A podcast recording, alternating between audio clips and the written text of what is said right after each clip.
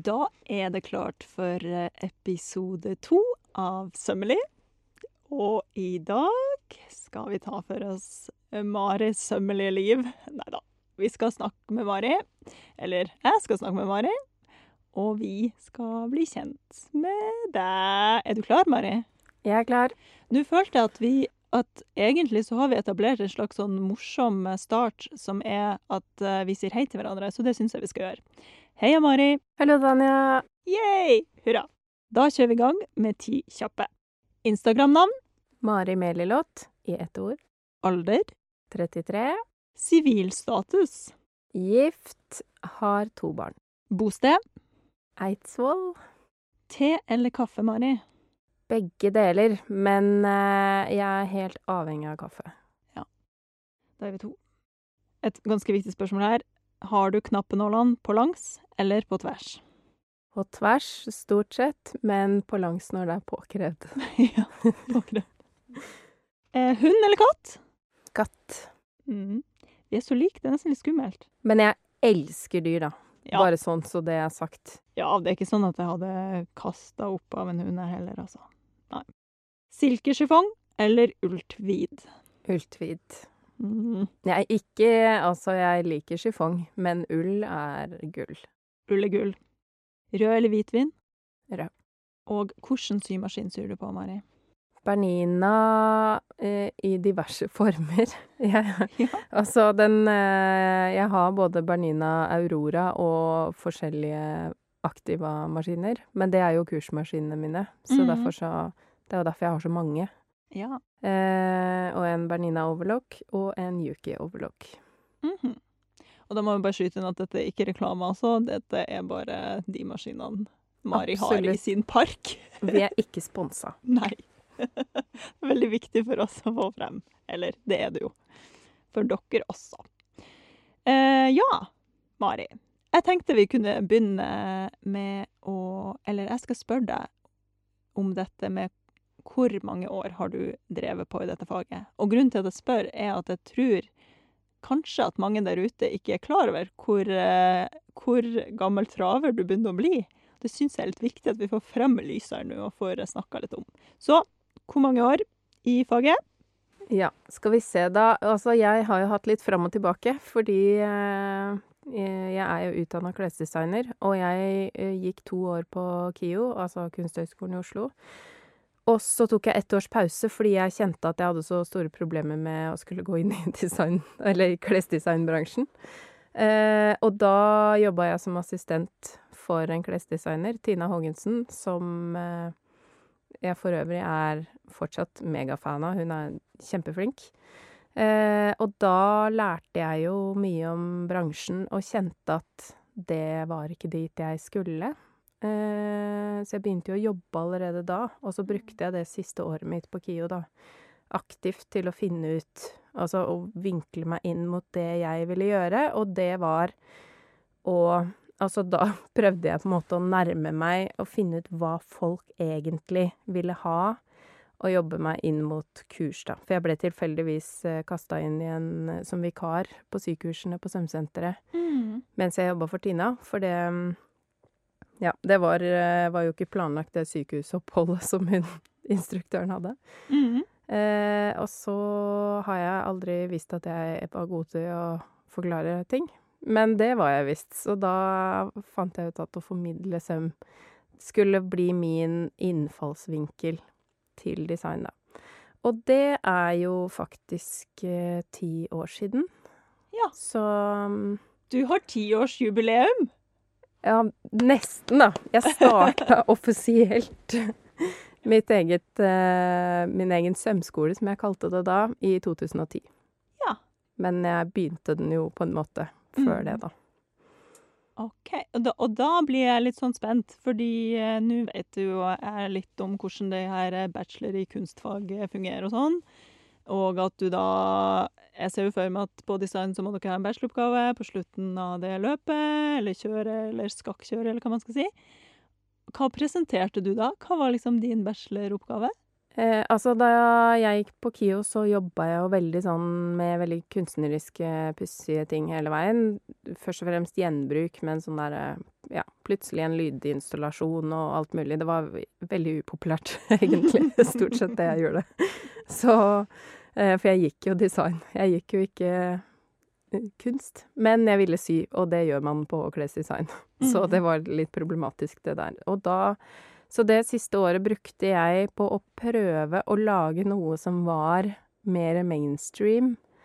Eh, men jeg eksperimenterte jo da masse med hår og alt mulig rart på veien dit. Og så tona jeg det ned til en ganske sånn ja, egentlig eh, ganske tung kolleksjon hvis man tenker Hvis man ser meg som person, som er veldig fargerik. Eh, og her snakker vi sånn eh, mye svart og grått og hår, sånn tjukke, sånn fletta ting. Og så lagde jeg en kunstfilm i tillegg som gikk på visningen, da, som jeg også fikk veldig kritikk for at jeg gjorde, men jeg var inspirert av Rapunzel, så da på en måte fant jeg opp en historie om at eh, eh, han prinsen kom fra utsiden og tok med seg materialer til Rapunzel, og at hun tok fletteteknikken inn i plaggene, da. Og så tona jeg det hele og så tona jeg det hele ned, så det så litt mer mainstream ut. Så det var litt sånn street-aktig, streetwear-aktig kolleksjon med noen sånn ko-ko flettegreier. Rapunzel meets mainstream streetwear, liksom. Ja, så det var jo litt spesielt. Og jeg strøyk jo nesten, da. Men jeg fikk eh, masse oppmerksomhet uh, i media, så det, All Ja. Per er god Per. det Ja, det var Altså, det Jeg fikk positiv respons fra alle andre enn uh, de, som, skulle vurdere vurdere meg, da. Ja, Men eh, sånn er det jo. Sånn blir du ofte. Og da var jo målet mitt at uh, grunnen til at jeg ville prøve å lage noe mainstream, var fordi jeg hadde tenkt til å begynne å lage symønstre allerede da. Mm. Uh, så ble det noen omveier, da. Ja, nå syns jeg egentlig at uh, vi har, vi har åpna godt opp for mitt neste spørsmål her, fordi når man driver med det her som vi driver med, så blir man jo en slags sånn potet. Og du har jo nå eh, blant annet vært inne på ganske mange ulike ting som du har vært inne på. Og så tenker jeg, hvis jeg, jeg nå skulle liksom forklart noen andre hvem du er, så hadde jeg nok eh, sagt veldig mye. Altså sånn gitt deg veldig mange titler, for det føler jeg at du har. Men, men hva, hvis du skal snakke om deg sjøl, hva definerer du deg sjøl som innafor dette? Ja, det der er jo alltid vanskelig, fordi at man liksom verken er fugl eller fisk, på en måte. Og, men jeg har vent meg til å si eh, at jeg er utdanna klesdesigner, og jeg er sy sybokforfatter, og selger Eller og produserer og selger symønstre. Men egentlig så er det jo litt knapt, fordi ja, man gjør jo Jeg illustrerer jo også alle mønstrene, og jeg syr jo men jeg velger å eksempel ikke si at jeg syr, fordi det ligger litt sånn innbakt i alt det her. Og mm. også fordi da slipper jeg den derre Ja, du syr, ja! Eh, jeg skulle gjerne hatt sydd noe. Mm. Eller Ja. Ja, for den vil du helst unngå, på en måte. Du vil, eh, du vil helst eh, drive med det du har kokt det ned til, som da er forfatter, sybøker. Og så var det eh, altså design av mønstre, produksjon av mønstre. Og utdanna klesdesigner. Det Ja. Mm. ja. Selv om det ordet klesdesigner, det satte jeg sånn hermetegn rundt i mange år.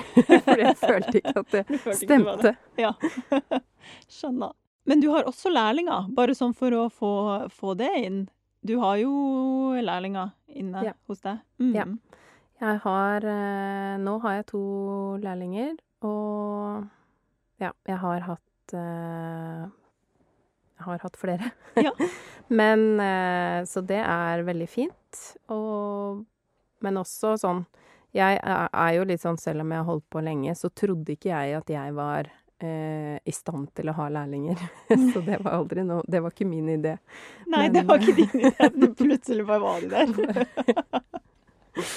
Så, og det er jo kanskje litt sånn som folk vil oppdage etter hvert, at eh, ja, jeg er ganske tilbakeholden. Mm. Men føler du at det er en Føler du liksom mestring rundt dette nå? For nå har du jo til og med hatt en lærling, eller kanskje flere til og med, som har gått opp til svennebrev, og det har gått bra, og liksom Det går jo og ruller og sånn. Altså, Klarer jeg, du å kjenne litt på at hm, jeg er faktisk en eh, god, en god ressurs til å utdanne flere? jeg vet at det er en god ressurs, fordi det ser jeg på en måte når jeg lærer ting bort. Mm. Eh, men jeg er jo såpass glad i å være alene at jeg eh, Jeg tror ikke jeg er i stand til å se på det som en ressurs, fordi jeg er så stressa på at jeg ikke har tenkt ut akkurat hva de skal gjøre den dagen. Ja, sånn. Eh, at jeg, jeg bekymrer meg så mye for det. Ja. Jeg tror at hvis lærlingene dine hører på dette nå, så tenker de nok at uh, Mari, ta deg en bolle, liksom. Det, dette går bra. Du, apropos at du liker å eh, være alene, og eh, ja, drive litt eh, for deg sjøl, da. Nå har jo jeg vært eh, veldig heldig og eh, vært hjemme hos deg i dag, faktisk. På veien hit til dette vakre studio, som er naboen til Mari, apropos. Og da lurer jeg litt på dette her med å For du har em, workshop, eller liksom eh, verkstedet ditt, er hjemme hos deg. Opp ei trapp, så går man inn, og så eh, er det der du syr. Og rett under deg er jo liksom hele heimen med mann og barn og hurra meg rundt. Hva er Vi kan begynne med, vi kan begynne med ulempene rundt dette. Kan du si noe om det? Altså, ulempene, det så jo du i dag, eh, fordi jeg har vært hjemme med sykt barn. Og da ender jo barna veldig ofte inne på verkstedet, for det er jo et veldig morsomt sted.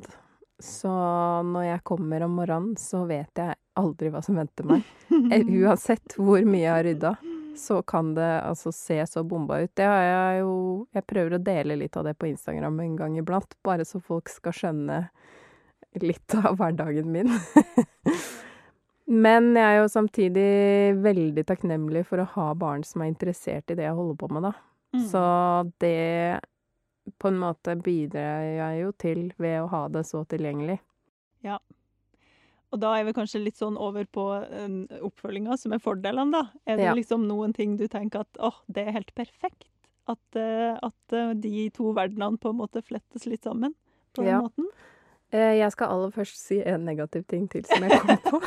Det er helt lov. Skyt. En annen negativ ting er jo at folk tror at jeg, for å bruke det uttrykket, går hjemme. Ja. Eh, og det Jeg tror det er veldig lett å tenke at det er så lett for meg å bare sette på to-tre klesvask og bare gjøre den lille tingen der. Eh, men når jeg dykker inn i jobb, fordi at jeg, jeg går altså så inn i det at jeg omtrent ikke spiser eller går på do, da er det veldig problematisk å måtte på en måte forklare at man ikke Nei, jeg er på jobb, jeg. Mm. Jeg er ikke Ja, ja, men kan du ikke bare ta imot en pakke hos naboen, eller eh, For det er jo Én ting er jo innenfor husets fire vegger, men det er jo veldig lett at man blir veldig sånn tilgjengelig, da. Ja, ikke sant? Det kan jeg se for meg. Men eh, ja, utrolig Må være utrolig irriterende å forsvare det, eh, liksom. At du må forsvare at uh, du har valgt å løse din arbeidshverdag sånn, liksom. Men det er jo også en positiv ting, for da kan jeg plutselig velge å si sånn Ja, vet du hva, jeg har fortjent en kaffe med Mm. noen i dag som uh, hadde lyst til å komme innom. Ja. Og det elsker jeg jo. Ja. Ikke sant? Vil du si noen flere. Ja, Ja, det er flere enn én positiv Ja. positiv grunn. Ja, det er mange absolutt. positive grunner. Det er jo at jeg kan jo eh, stå opp og sette meg i pysjen eller trusa. Altså, jeg trenger ikke å ha på meg bh på jobb. Sånne detaljer, det elsker jeg. Og det er jo også fordelen med å bo på landet i tillegg, for vi flytta jo fra et eh, ganske travelt liv hvor eh, jeg hadde verkstedet lenger oppe i gata på Sagene. Eh, og da løp vi jo fram og tilbake, fordi mannen min hadde også sitt kontor da, på mitt verksted. Mhm. Eh, og da bytta vi bare på å være der. Men nå kan vi jo sitte sammen. Altså, han var jo kjempefornøyd da lærlingene mine fikk seg egne plasser eh, hjemme på verkstedet. For da var jo Det var jo helt perfekt for han. Det ble, Ja. Nå ble jo det hans nye plass. Eh, Men det at vi kan sitte begge og høre på musikk og ta et glass rødvin mens vi jobber med hvert vårt eh, prosjekt, er jo veldig hyggelig. Mm. Og det er jo Ja, jeg må jo bare innrømme det at eh, ja, jeg jobber når jeg egentlig skal ha fritid. For det er jo Sånn er det.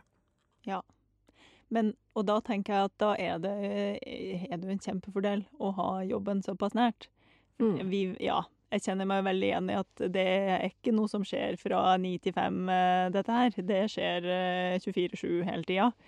Og hvis man i tillegg da er litt stressa fordi 'fader, nå glemte jeg den håndsømmen på atelieret', liksom, da blir det litt mer logistikk inn i bildet enn hvis man hadde det hjemme. Helt klart. Og så er det noe med at jeg tenker jo at jeg ønsker å være en eh, mamma som er veldig til stede. Jeg er en sånn Jeg setter mammarollen egentlig foran alt, men jeg har også en jobb som jeg setter på en måte foran alt. Eh, og jeg tenker det er bra for barna å se at jeg fikser begge deler, da. Eh, og det er fint at de kan få lov til å se at jeg brenner for noe. Og det hadde jeg måttet løpe på jobben hele tiden, så hadde jeg på en måte ikke klart å Det er så mye lettere for meg å jobbe mens barna sitter og tegner eh, på klippebordet. Og det, nu, da, da må jeg bare si at det er veldig inspirerende å høre om.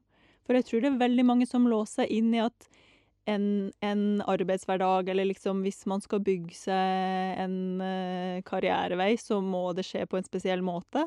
Og man må ha et kontor, og man må være der fra da til da. Og så Det er så mange sånne må-er inn i bildet. Og jeg syns det er så fint at uh, du er et sånn prakteksempel på at nei, det er du som bestemmer. Hvis du eh, føler at dette er mye mer logisk og mye mer organisk i forhold til hvordan jeg vil ha hverdagen min og bygge opp eh, familie og hva som helst, så er det kanskje det som er det best, den beste løsninga, liksom. Det er veldig eh, inspirerende, syns jeg. Det tror jeg kanskje mange av de andre som hører på dette, også syns. Det er bra. Ja. Men man må jo lære seg å bare si sånn Nå, er, nå skjer livet, liksom. Nå er det ikke jobb. Ja, ikke sant. Ja. Det er en øvelse. Mm. både fordeler og ulemper med å ha ting så nære. Og nå eh, neste spørsmål. Så lurer jeg på Det er ikke sikkert at uh, dette skjedde i dag, siden du har vært hjemme med sykt barn og det har vært litt sånn hurra meg rundt. Men husker du hva, hva var den siste sømmen du sydde før vi møttes nå? Kanskje det ikke var i dag, kanskje det var i går. Men hva er det siste du har sydd på? Det var en eh, litt pussig eh, lue til sønnen min, fordi at jeg var jo hjemme med sykt barn, og da, hva skal man finne på da? Ja, da kunne vi jo prøve oss på noe redesign, da, eller egentlig ikke det, men eh, gjenbruk av et veldig hullete plagg som hadde en fin kant. Så da lagde jeg en lue til han som han nekta å prøve, så mm. den vet jeg ikke helt om ble bra. Eh, jeg skulle ønske jeg hadde et mer tilfredsstillende svar. Nei, vet du hva? Jeg syns du skal stå i det svaret der, for det er genialt. Altså. En litt sånn, litt sånn uh, diffus lue med en flott kant. Det syns jeg er veldig bra. OK, men da kanskje for å dra inn litt mer av eh, den andre delen av livet ditt, da, ikke eh, så mye av familiedelen. Hva, er, hva, hva driver du på med? Hva gjør Mali Mellot? Uh, pattern developer eller designer eller eh, kursholder. Hva er det som liksom koker på komfyren akkurat nå? Eh, ja, nå er det jo podkast-tid, da. Det har jeg jo grubla på veldig lenge. Og så er det eh, Prøver jeg nå å ferdigstille en del mønstre som er altså så lenge siden de er blitt fotografert. Og noen av dem er det snart to år siden. Var klare egentlig, de plaggene, men ikke mønstrene og sånn. Så jeg, jeg tegner og skriver for harde livet bare for å få de mønstrene ut, sånn at jeg kan rydde tid til den boka som jeg egentlig har holdt på med ganske lenge, da. Som bare Ja, jeg bare mista litt piffen, men den nå Nå For det den kommer en ny bok, altså. Ja, etter hvert. etter hvert. Men den, dette er en bok som jeg har bestemt meg for å bruke lang tid på, fordi det er en, eh, en litt sånn eh, grundig bok. Mm, Mm. gøy. Artig, artig. Noe å holde fingrene eh, opptatt med som alltid, da, sikkert. Ja, vi Ja. ligger jo ikke på latsida, noen av oss. Nei. Vi gjør jo ikke det. Neste spørsmål, Mari. Jeg lurer på hva drømmer du om å prøve ut, som du enda ikke har prøvd da, eller å lære? Det er å sy sko. Eller lage sko. Eh, og det er et kurs i London som jeg sikler veldig på, men da må jeg ha for det første så har jeg liksom noen Det er et visst pengemål jeg må ha nådd, mm. og jeg må på en måte bake inn såpass mye i den turen hvis jeg skal ta fly et sted. Fordi jeg er litt nøye på akkurat sånn flyreising. Eh, men det er eh, Ja, det er sko. Og det var planen hele tiden, egentlig. Da jeg tok klesdesign, så hadde jeg tenkt til å først bli klesdesigner, og så skulle jeg gå på skomakerlinja i Fredrikstad. Fordi jeg har gått i Fredrikstad på kunst- og håndverkslinje før, og var på et sånt lite kurs på skomakerlinja da. Så det, det Men jeg kjenner at jeg har ikke noe behov for å produsere sko til noen andre. Jeg vil bare ha sko som jeg kan ha resten av livet sjøl. Som jeg kanskje har laget av en gammel skinnjakke eller noe sånt. Ja, ikke sant? Et sånt prosjekt bare for deg sjøl, på en måte. Ja, så det blir sånn eh, Ja, det man på en måte kanskje kunne kalt en hobby, da. Ja, ja. Herregud, hobby, det er et veldig sånn absurd konsept. konsept. Men jeg kommer til å gjøre det i arbeidstiden, for det er jo faglig relevant. Absolutt. Det, det syns jeg vi kan. Mm, det syns jeg. Men altså, for det første, det, du har da altså funnet et sted i London der man kan komme og, ha, og liksom ta en workshop i å lage sko. Mm. Dette er jo utrolig gøy. Er det liksom en lang Er det liksom en sommerskole? Er det en weekend? Hva, hva er dette? De har mange varianter, da. Men den jeg sikler på, som er sånn der litt sånn klassiske sånn pen herresko, sånn flate med knyting, det tror jeg er sånn rundt en uke. Det tar ikke mer det- tid enn det. Plutselig er Sømmelig podkast på plass. Der tenker jeg nå, Ja, når jeg ser reaksjonen din. Nå kjente jeg at eh, det åpenbarte seg en helt ny verden her. Ja. Og så dette her med at du skulle gå skomaker. Men så skjedde ikke det. Var det bare sånn at livet bare skjedde, og så gikk det ikke den veien? Eller tok du et bevisst valg om at nei, nå satser jeg på, på eh, en annen ting, selv om jeg hadde hatt lyst til å dra til eh, Fredrikstad, var det der? Ja. Nei, jeg tror nok det var den undervisningsgreia og hele det derre Nei, jeg skal jo ikke produsere kolleksjoner, og jeg kan jo ikke ta en utdanning bare for å lage sko til meg selv. Eh, så da bare kjente jeg at eh, ja ja, men jeg kan jo Det kan jeg alltids gjøre senere. Um, En dag. Og sånn er det jo. Vi er jo Altså, jeg har akkurat begynt på dansing for voksne i en alder av 33. Ja ja, Alt kan skje. alt kan skje. Og det er veldig fint. Jeg tror folk eh, som har den innstillinga som deg, at alt kan skje, jeg tror de eh, har det mye gøy her i livet. Neste spørsmål. Vi er jo noen eh, idealistiske damer, har jeg skjønt her etter hvert, som vi blir bedre kjent. At vi er litt sånn samme ulla på mange ting. Og da lurer jeg på, Mari, hva er din sømmelige hjertesak? Ja, det, du var jo litt inne på det da jeg intervjua deg, men det er jo selvfølgelig først og fremst at alle skal kunne ha klær som de føler seg vel i.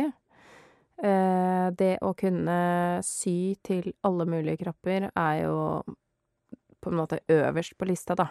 Men en annen sånn helt konkret sak, utenom kroppspositivisme, som jeg er såpass eh, det, kan, det må vi ha en egen episode om, rett og slett, fordi det er et så stort og viktig tema. Ja. Eh, men en annen ting er jo eh, den grunnleggende følelsen man har når man lærer noe. Mestring. Og det at alle kan få oppleve den følelsen. Det syns jeg også er sånn Det er grunnen til at jeg underviser, egentlig. Eh, og det å være selvhjulpen og kunne fikse ting sjøl og bare reparere det man har. Eh, ja, det at vi gjennom å sy kan på en måte Alt kan gå litt saktere, alt kan sitte litt bedre. Eh, og man på en måte kan være sin egen lykkes med, Ja, for å bruke et litt sånn Du kan flåsete dra begrep. den, du kan ta den. Det er greit. Ja, men at man på en måte Man kan klare seg sjøl. Man kan bare droppe å være en del av den forbrukskarusellen, da. Det er én del, og så har jeg jo vært involvert i et prosjekt i mange år um, gjennom Kirkens Bymisjon, som faktisk uh, het eh, Syrom. Ja. uh, så Og det um, Der lærte vi jo romkvinner å sy. Em, og sånne typer prosjekter også er jo også min hjertesak i søm.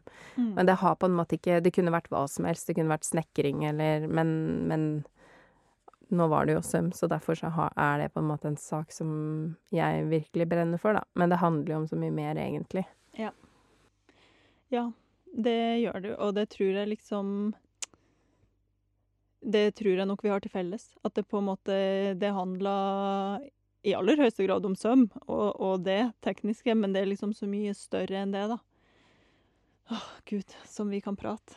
Langt og lenge, ser jeg for meg. Og jeg kjente meg også veldig igjen i det du sa om kurs, for jeg har jo også hatt litt sånn kurs eh, her og der, og det elsker jeg jo. Nettopp fordi det er så gøy å se at folk får sånne aha, liksom. Eller at de blir helt sånn Herregud, jeg trodde aldri at eh, jeg noen gang skulle klare å sitte her og gjøre det. Ja, altså det er til å grine av. Jeg Jeg syns det er helt fantastisk. Ja. Og det, og tilbake til kropp, da. Det var jo en av de første sånne opplevelser jeg hadde på sykurs, hvor jeg da hadde hjulpet til med en tilpasning av en bukse.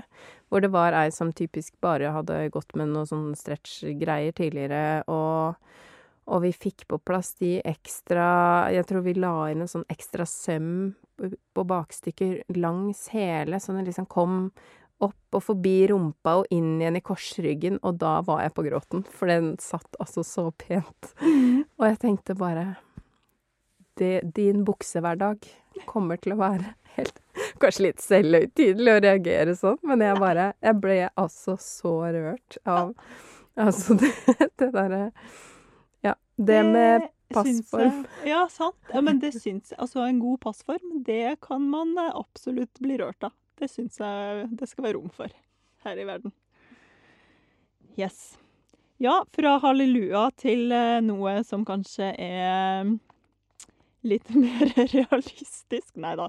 Nei. Nå lurer jeg på, Mari, hva sier du til deg sjøl når alt bare rakner? Ja, da er det jo to alternativer. Da er det jo på privaten, og så er det jo i sysammenheng, eller i kundesammenheng, fordi eh, Jeg kan jo bare si det rett ut, at jeg liker egentlig ikke å gjøre kundesøm. Fordi jeg er så utrolig nøye og får så utrolig lett dårlig samvittighet og tror alltid at det er jeg som har gjort noe feil. Og Mm. derfor så sitter jeg jo så veldig ofte igjen med veldig mye jobb for lite. Eh, så i sånne situasjoner, da blir jeg litt sånn Ja, ja, jeg visste jo at det kom til å skje. Det er bare å bite tenna sammen og bli ferdig med den jobben her. Nå, nå er vi snart i mål. Eh, dette fikser du, liksom. Og så, ba, så har jeg en sånn make it work moment, og Ja. tenker at eh, nå må jeg komme meg gjennom det her. Eh, og på privaten så er jeg nok gjennom en sånn her eh, Du er helt elendig. Hvorfor får du ikke til noen ting? Mm. Eh, altså hele det derre ja, Ja. negative spiralen, og kan ta en liten eh, runde innom depresjon før jeg på en måte kommer meg på beina igjen. Men som en lett deprimert person så ser jeg jo alltid det positive i ting, for jeg er jo alltid forberedt på det verste. Så det er sånn Jeg føler nok ikke at alt håp er ute noensinne. Jeg bare jeg blir veldig irritert med meg sjøl, da. Mm. Jeg, jeg, jeg kjenner meg også absolutt igjen i det.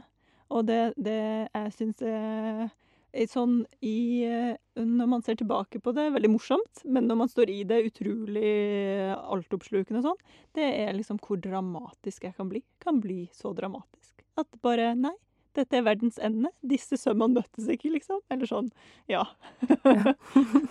Billedlig talt. Når endene men- ikke møtes. ja, når jeg ikke får de endene til å møtes, liksom, i livet, så bare blir så mye drama at uh, jeg ler godt av meg sjøl etterpå, da. Men eh, mens det står på, så kan det være ganske dramatisk. Ja. Ja, det er, eh, det er vanskelig når man imploderer så Ja. voldsomt. Ja, noe så innmari. Ja, ikke sant? Mm. Og det er jo sånn For min del så får jeg jo hele tiden høre at jeg er en så utrolig rolig person. Og da, Ja, ja og da er det jo sånn som en and som plasker under vann. For det skjer veldig mye under overflata, men det, det syns tydeligvis ikke så godt, da. Nei, for det tenkte jeg egentlig Det er morsomt at du sier, for det tenkte jeg egentlig skulle dra inn her nå. Eh, Fordi ja, når alt rakna i forhold til kunder, har du nevnt, og så litt sånn på privaten. Og så lurer jeg litt på, fordi som du sa, da, så opplever jeg deg som en veldig sånn rolig person. Og når du nå f.eks. snakker om disse mønstrene, som egentlig skulle vært ferdig for sånn to år siden, men så blir de først ferdig nå, så tenker jeg sånn Gud, Mari er altså bare så kokrolig, liksom. Ja ja, det tok liksom to år ekstra, og det er helt greit, og nå skal de bli ferdig eh, på sikt her nå. Jeg tenker at jeg hadde jo følt at jeg liksom virkelig ikke hadde dratt i land den torsken, holdt jeg på å si, hvis, hvis det hadde skjedd meg. Og det hadde vært et sånn rakne øyeblikk for meg, da. Hvis jeg hadde satt meg en deadline for når disse mønstrene skulle ut, og så skjedde ikke det. Da, da vet jeg ikke om jeg hadde gjennomført det to år etter. Jeg hadde liksom bare Jeg vet ikke. Jeg tror jeg hadde gitt opp på én. Men du står i det. Jeg har brukt masse penger på fotograf, vet du, så jeg må, må jo, jeg må jo bruke de bildene. Ja. Og grunnen til at det har tatt to år, er jo fordi jeg har kommet på så mange andre ting i mellomtiden. Ja, så altså, dette var jo å- før Britt-buksene, ja. og før Martekåpa, Ja. eh, og før veldig mange av bestselgerne mine. Så tok jeg eh, de her litt mer basisgreiene Mm. som skulle ut på et eller annet tidspunkt, men som har rykka bakover i køen. ja. Og så er det en del nye ting, da, på denne lista. Det er jo bare et par av tingene som er to år gamle. ja. Men det er jo noen som plutselig nå er Jeg helst skulle hatt ut liksom for noen måneder siden. Men da Mm. skulle jeg hatt de ut nesten før jeg hadde laget det, fordi jeg var så fornøyd med det. Uh, men det Ja, når man har gitt ut noen bøker og på en måte man får et litt annet tidsperspektiv, da. For der, der jobber man over så lang tid at uh, Ja. ja. De tre første bøkene mine skrev jeg jo tre bøker på tre år. Uh, og så Og dette var jo midt oppi baby og sånn, så jeg ble jo sjuk. Og det er fordi jeg har gått på en del smeller at jeg Så du gir deg sjøl mer tid, rett og slett? Ja. Ja. For jeg ser jo at jeg blir jo sjuk hver gang jeg Ja. prøver for mye. Ja. Så det Ja.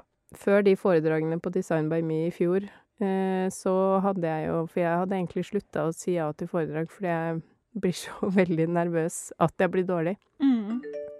Da var jeg eh, svimmel, så svimmel at jeg omtrent ikke kunne gå helt normalt ute blant folk i seks uker. Før de foredragene? Ja. Ja. Eh, sånn at da blir man på en måte veldig romslig med seg sjøl, når man ser at kroppen ikke håndterer stress, da. Ja. Og det er kanskje Det burde jeg ta med meg, dette her med å være såpass romslig. For jeg tenker òg at det er jo en utrolig verdi i det å kunne legge noe litt til sides, da. Det betyr jo ikke at det liksom havner ned i den søppelkassa, kanskje. Nei, og gjør det det, så er det kanskje meninga at Ja. ikke det skulle se dagens lys. Ja, ikke sant? Ja. Mm, godt poeng. Godt poeng, Mari. Tusen takk for at du hørte på Sømmelig podkast. Du finner oss på Instagram. Der heter vi sommeli understrek podkast med k. Og ellers kan du kontakte oss på e-post, og da sender du den til sommeli med k at gmail.com. Tusen takk til Andreas Prestmo, som har produsert podkasten og klipper og limer i alt det vi sier, og til Synnøve Ovrid, som har laget den fine musikken.